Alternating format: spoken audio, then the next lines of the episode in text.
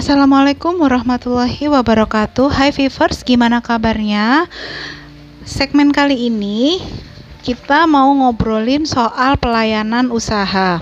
Kali ini yang akan saya bahas adalah pelayanan usaha yang berhubungan dengan kita yaitu kecantikan. Apa usahanya? Yaitu salon.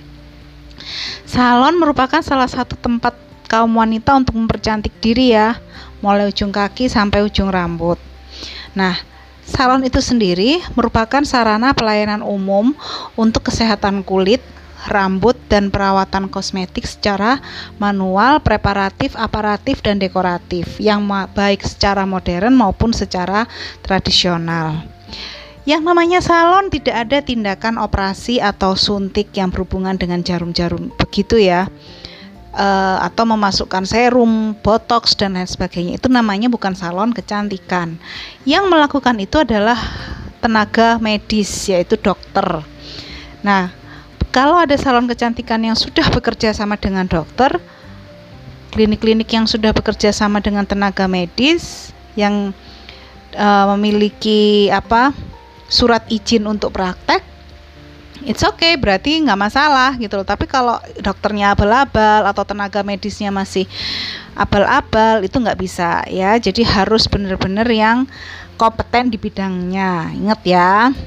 Karena banyak banget salon kecantikan yang masih maaf masih melakukan malpraktek demi meraup keuntungan Oke.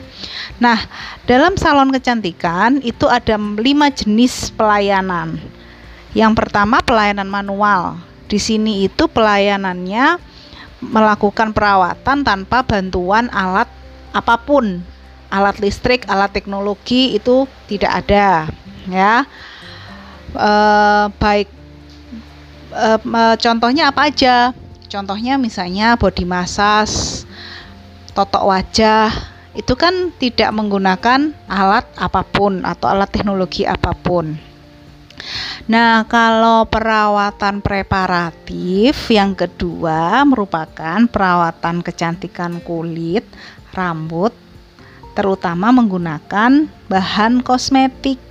Nah, kalau yang dikatakan pelayanan preparatif ini artinya sudah menggunakan kosmetik lainnya misalnya pakai susu pembersih, penyegar dan lain-lain. Gitu ya.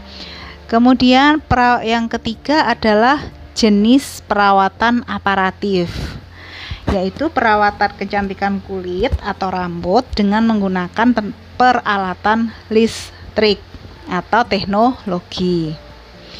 Yang keempat adalah perawatan dekoratif, yaitu perawatan kecantikan dengan tata rias wajah maupun rambut ya. Yang kelima adalah perawatan atau pengobatan yang umumnya dilakukan di salon kecantikan adalah kombinasi antara perawatan manual dan preparatif ya. Dari lima jenis pelayanan salon kecantikan yang baru saja saya ulas, maka saya akan mengulas kembali jenis pelayanan di salon yang menggunakan alat listrik kecantikan. Nah, alat listrik yang biasa dipakai itu apa aja? Ada banyak banget ya. Contohnya galvanik, kemudian uh, high frekuensi dan lain sebagainya. Nah, alat listrik pun itu dibagi menjadi beberapa macam. Ya, alat listrik yang digunakan untuk pemeliharaan kesehatan di salon kecantikan itu dibagi menjadi empat macam.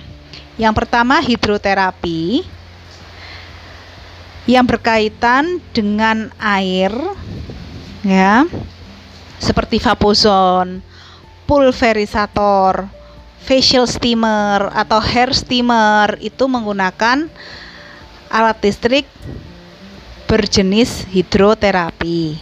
Kemudian yang kedua adalah mekanoterapi. Merupakan alat listrik yang berhubungan dengan gerakan mekanik. Contohnya apa? Vibrator, frimator, ya, vakum.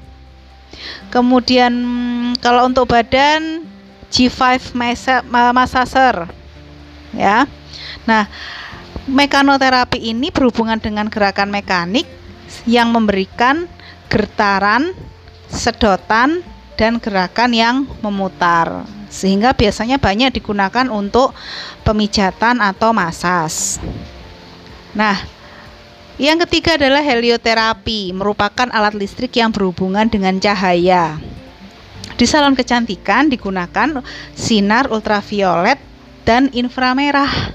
Contohnya mercury vapor atau sinar dengan menggunakan sinar UV. Kemudian infrapil menggunakan sinar inframerah. Yang keempat adalah elektroterapi, merupakan alat listrik kecantikan yang berhubungan dengan alat listrik dapat dikelompokkan menjadi satu ada iontofores, kemudian high frequency dan lain sebagainya. Galvanik ya, itu termasuk pada elektroterapi. Ya. Kemudian uh, dari itu semua yang sudah saya ulas maka salon kecantikan itu uh, memiliki tipe sendiri. Karena yang namanya salon kecantikan itu tidak semua salon kecantikan itu sama ya kan? Ada beberapa mungkin yang kamu temui maaf ada yang di mall ada yang salon kecantikan yang maaf cuma di pinggir jalan yang hanya punya satu kaca, satu kursi, satu facial bed gitu ya.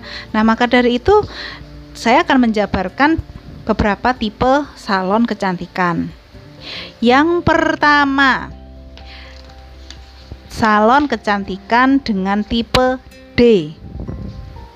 Di sini salon kecantikan ini memberi pelayanan secara sederhana hanya satu un, hanya untuk satu jenis pelayanan saja ya berikut ini yang adalah kegiatan atau tindakan yang dapat dilayani pada salon tipe D misalnya cuci rambut pangkas pratata dan penataan kalau untuk kulit, ya hanya merawat kulit wajah, manicure, pedicure tanpa kelainan apa-apa.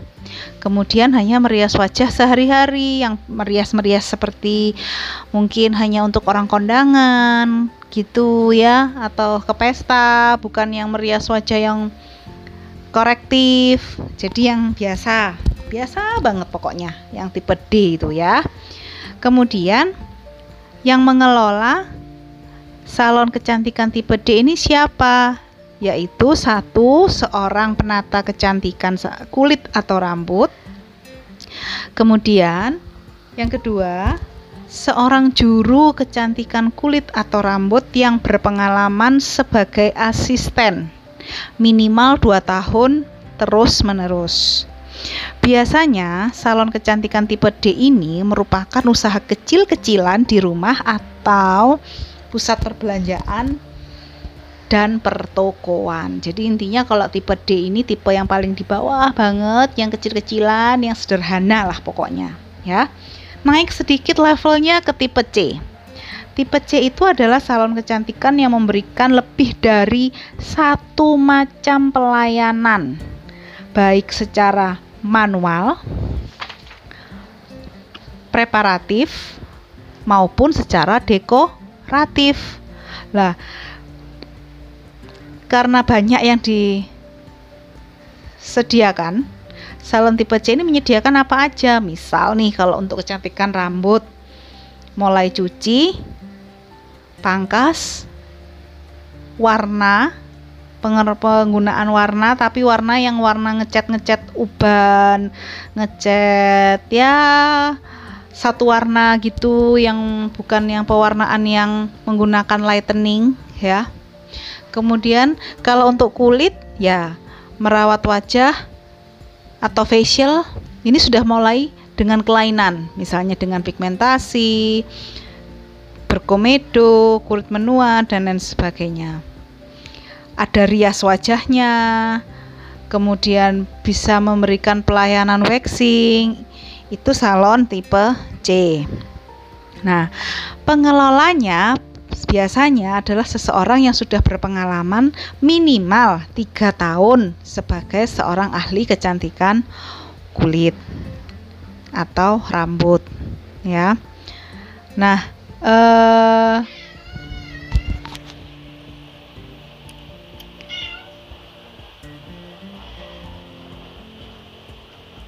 Baiklah, saya lanjutkan. Mohon maaf karena tadi ada sedikit gangguan. ya, uh, kembali lagi ke salon tipe C. Salon tipe C itu adalah yang menyelenggarakan adalah seseorang yang pernah punya pengalaman tiga tahun sebagai seorang ahli kecantikan kulit atau rambut. Ya, salon ini uh, bisa bekerja sama dengan konsultan atau tenaga medis ya. Kalau tipe D tadi hanya dikerjakan oleh seseorang yang memang kompeten di bidangnya, pengalamannya minimal 2 tahun, dia nggak punya gandengan tenaga medis, yaitu bedanya salon tipe C dan tipe D ya. Misalnya tipe C tadi uh, punya apa namanya bergandengan dengan tenaga medis boleh dia hanya sebagai seorang konsultan jadi dia hanya memberikan uh, wawasan memberikan konsultasi kepada pemilik atau pengelola salon tersebut. Kemudian dari yang tipe C kita naik lagi ke tipe B. Di sini pelayanannya yang diberikan sudah lengkap semua, baik aparatif, dekoratif, manual, preparatif, ya. Dan sudah mulai menggunakan tiga jenis alat listrik atau teknologi. Jenis pelayanannya kurang lebih sama ya dengan salon tipe C. Hanya saja di sini sudah mulai grade-nya itu sudah lebih uh, lebih menengah ke atas kalau tipe B. Jadi misalnya mungkin contoh nih pewarnaan. Kalau tipe C itu hanya pewarnaan uban ya atau hanya memberikan satu warna gelap. Tapi kalau tipe B sudah mungkin mulai ada lightening, ada uh, apa namanya?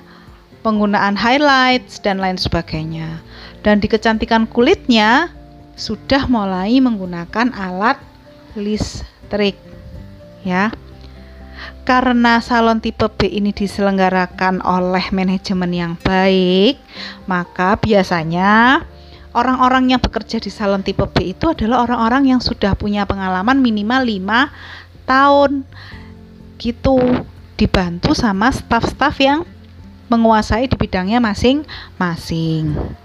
Nah, salon tipe B sudah punya manajemen yang baik pula. Jadi misalnya sudah ada pimpinannya, ada staf administrasi, ada manajernya, ada staf teknis, ada staf ini, ada staf onop dan staf staf yang lain sudah mulai banyak. Nah, kalau tipe C tadi konsultan medisnya adalah seorang dokter umum, maka salon tipe B ini memiliki konsultan medis seorang dokter ahli kecantikan kulit. Jadi gitu ya. Semoga paham sampai di sini.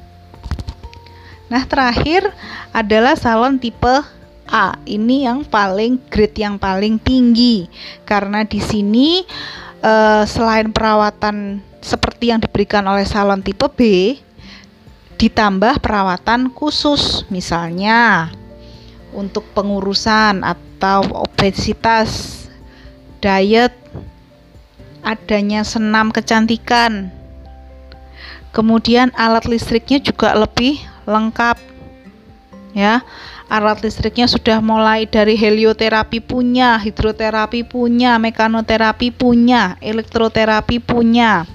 Nah, kecantikan kulitnya pemijatannya juga sudah sangat beragam bisa mulai teknik Javanese, Shiatsu, menggunakan aromaterapi, ya.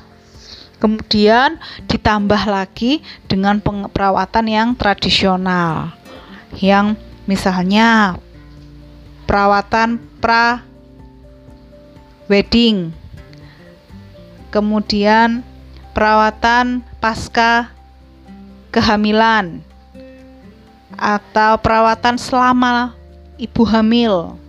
Nah, salon tipe A itu dikelola secara institusional dengan manajemen yang baik sama seperti tipe B. Akan tetapi stafnya juga lebih lengkap dibandingkan salon tipe B. Biasanya bahkan ada yang berpengalaman dari luar negeri. Itu yang salon tipe A. Siapa tenaga medis yang boleh atau memberikan konsultasi pada salon tipe A yaitu seorang dokter ahli kulit kosmetologi dan seorang ahli gizi. Ya. Dan biasanya orang-orang yang bekerja di salon tipe A itu minimal pengalamannya 5 tahun dan harus lulusan dari hmm, institut kecantikan yang ternama. Contohnya Cidesco Institute. Nah, untuk saat ini uh, yang namanya Cidesco Institute ini bekerja sama dengan lembaga sertifikasi profesi atau lembaga sertifikasi kompetensi untuk mendapatkan sertifikat yang dibutuhkan. Jadi sama seperti kalian, mungkin sekarang ini kali uh, beberapa dari kalian uh, pernah tahu kalau sekolah mengadakan ujian LSP atau lembaga sertifikasi profesi. Nah, guys, ijazahnya itu loh yang bisa dipakai untuk bekerja di salon-salon tipe B maupun tipe A. Jadi, eh, yang dikeluarkan oleh lembaga sertifikasi profesi SMK Negeri 6 ini karena sudah bekerja sama dengan BNSP maka setingkat atau hampir setara dengan Cidesco Institute karena eh, kami memiliki apa namanya kurikulum yang hampir sama dengan Cidesco untuk LSP. Jadi nanti kalau kamu ikut LSP ujian LSP di sekolah itu nanti sertifikat yang kita berikan itu bisa kamu pakai untuk bekerja di salon tipe B maupun salon tipe A. Gitu guys. Ya. Nah yang namanya salon kecantikan tuh kan sebenarnya banyak banget nih. Ada salon-salon kecantikan yang merangkap sebagai klinik. Ada salon kecantikan yang unik, misalnya nih salon kecantikan yang pakai uh, tema. Misalkan untuk salon kecantikan anak-anak, jadi yang mereka memasak tren pasarnya itu adalah anak-anak. Jadi mereka nyeting salonnya yang unik, yang di mana anak-anak itu suka. Atau mungkin karena sekarang musimnya Korea, K-pop, drakor. Mungkin nanti viewers ada salah satu dari kalian yang mau memiliki salon dengan tema K-pop. Nah, bisa aja kan kayak gitu. Nah, salon kecantikan merupakan usaha yang sangat-sangat menjanjikan kalau menurut saya. Karena gampangannya gini guys. Uh, orang tuh kan pasti potong rambut ya. Orang itu kan pasti kepengen cantik pengen berubah memperbaiki diri. Nah di situlah kita menjadi ajang atau lahan yang menyediakan pelayanan untuk seseorang itu bisa jadi lebih cantik, bisa jadi lebih baik ya kan? Sekarang kita sebagai perempuan aja potong rambut minimal 2 atau tiga bulan sekali. Kalau potong rambut harus ke mana? Ke salon kan? Nggak mungkin dong potong rambut sendiri ya kan? Cowok potong rambut bisa dua minggu sekali. Artinya usaha ini cukup menjanjikan untuk membu uh, untuk mendatangkan pundi-pundi uang yang banyak gitu loh ya. Nah, tren pasar kecantikan itu ada dua macam nih. Yang akan saya bahas di sini adalah tren kosmetikanya dan tren salon kecantikannya yang seperti apa. Nah, kemajuan pada industri kosmetika kecantikan di Indonesia ini sangat menunjukkan peningkatan Contohnya FIFA saja. FIFA mengikuti tren saat ini.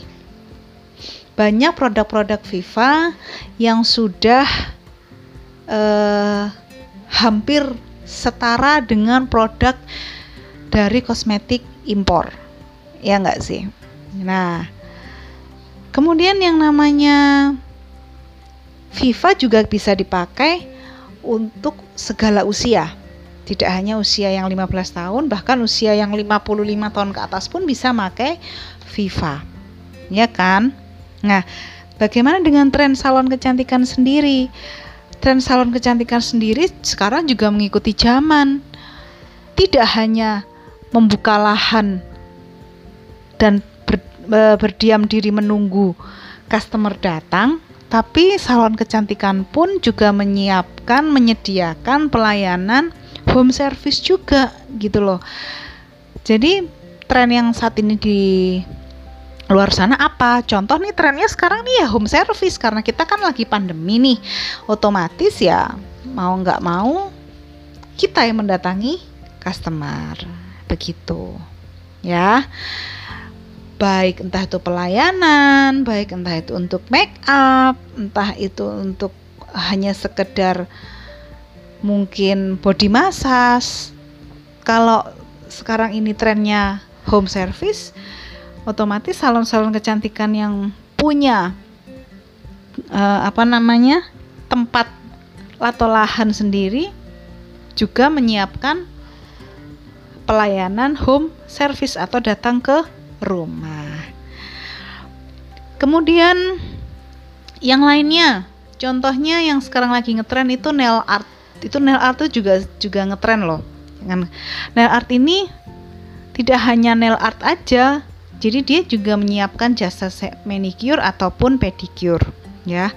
Kemudian desain-desain nail art yang bermacam-macam itu juga menunjang penampilan seseorang nah yang terakhir tren salon kecantikan yang khusus untuk cowok atau barbershop Barbershop saat ini di mana-mana ada guys. Mulai harga 15.000 sampai harga 50.000 pun itu ada. Ya. Jadi eh, salon kecantikan memang adalah hal yang cukup menjanjikan gitu. Jadi kita eh, orang yang bekerja di bidang kecantikan itu tidak hanya harus membuat atau mendirikan salon, tapi tanpa kita mendirikan salon pun tenaga kita pun dicari. Jadi gini guys, maksud saya. Saat ini uh, saya nggak punya salon besar, saya juga tidak punya tempat atau istilahnya lapak sendiri di dalam di rumah. Tapi Semasih sesekali orang datang ke saya atau menghubungi saya untuk sekedar Mbak, saya mau make up dong, bisa datang ke rumah nggak? Nah, Mbak, saya mau make up dong, datang ke kantor ya. Nah, jadi uh, cukup menjanjikan. Makanya kalian ini nggak usah menyesal kalau sudah memilih jurusan kecantikan karena di bidang kita ini pelayanan yang bisa kita berikan ke orang lain itu banyak banget.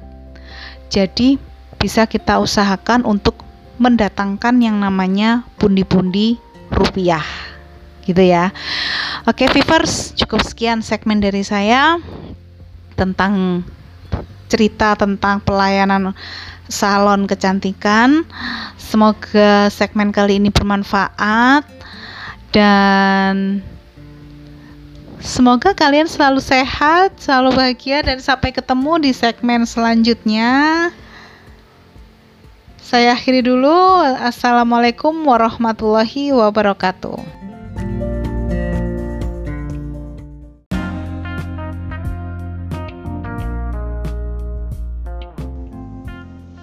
Assalamualaikum warahmatullahi wabarakatuh. Selamat pagi dan salam sejahtera untuk kalian. Kelas 12 Kecantikan 1 uh, pada saat kalian membuka classroom di situ ada tugas praktek.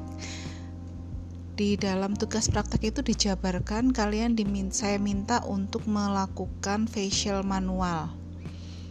Facial manual ini boleh dilakukan dengan model atau diri sendiri kemudian kulit wajahnya boleh yang berproblem, boleh yang tidak bermasalah. Jadi yang saya maksud adalah kamu melakukan ke facial manual tapi boleh misalkan uh, facial manual untuk kulit berjerawat atau facial manual untuk kulit menua.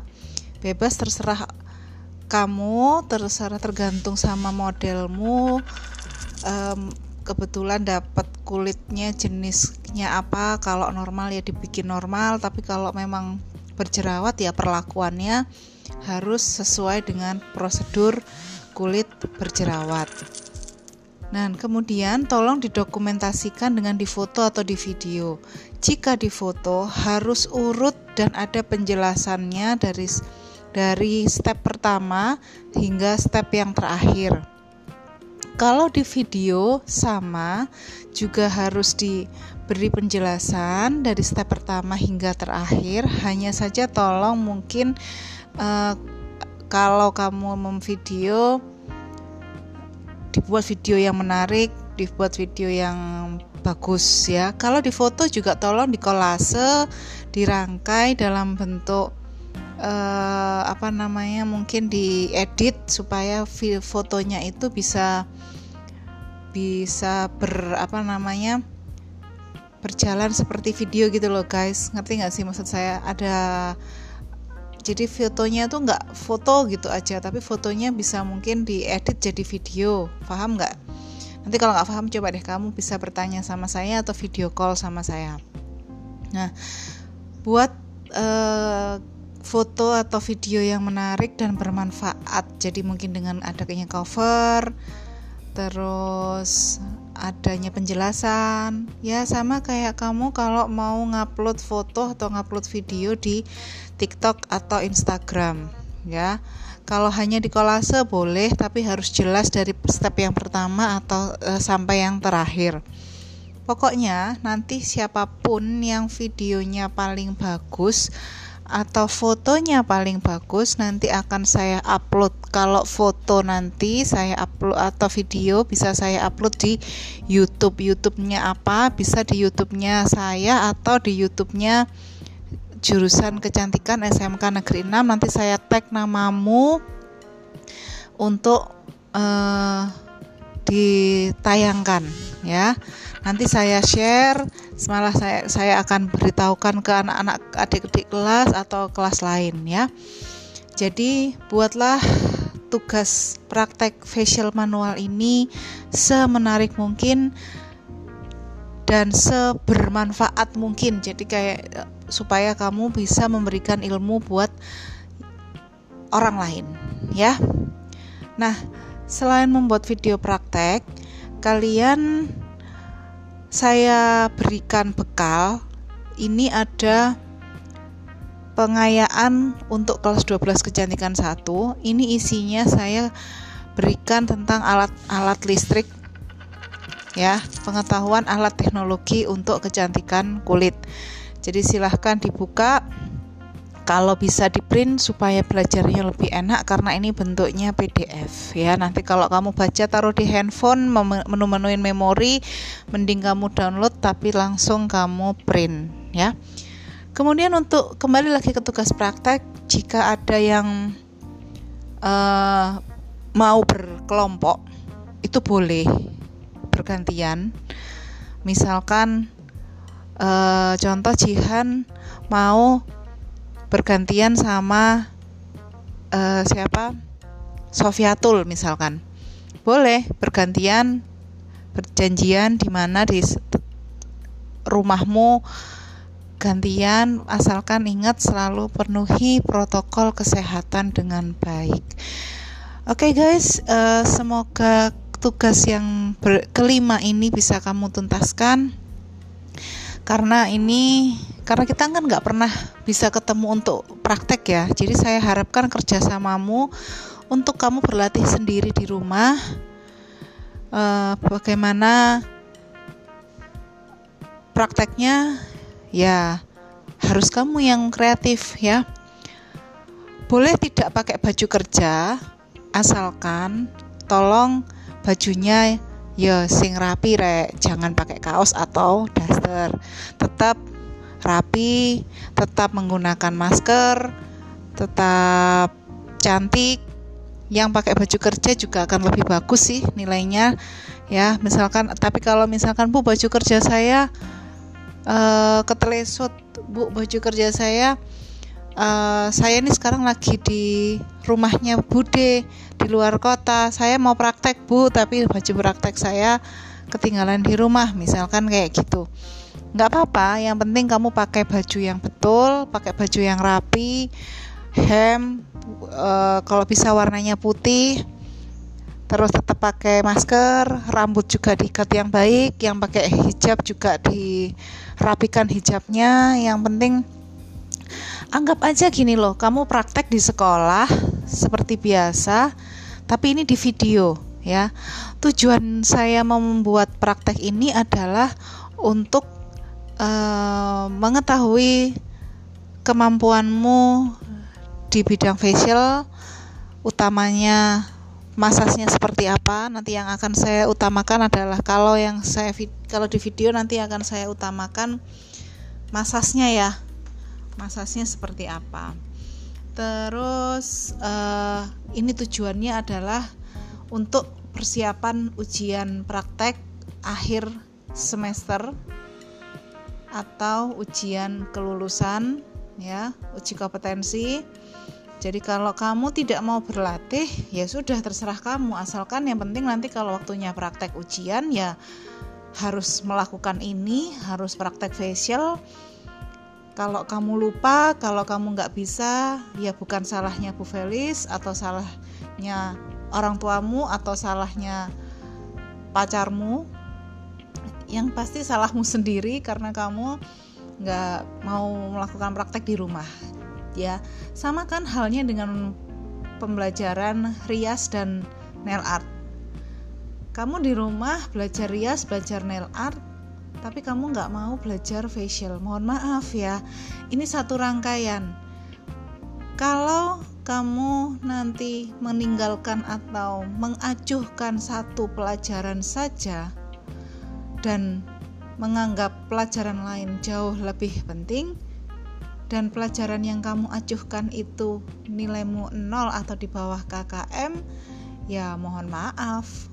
Nilaimu nol nggak na kemudian uh, tidak lulus ya wes kelar wes hidupmu mau apa ya nggak? Jadi semua keputusan ada di kamu saya berikan waktu satu minggu ke depan untuk praktek karena minggu depan nanti mulai melakukan pengayaan materi untuk ujian-ujian materi ya.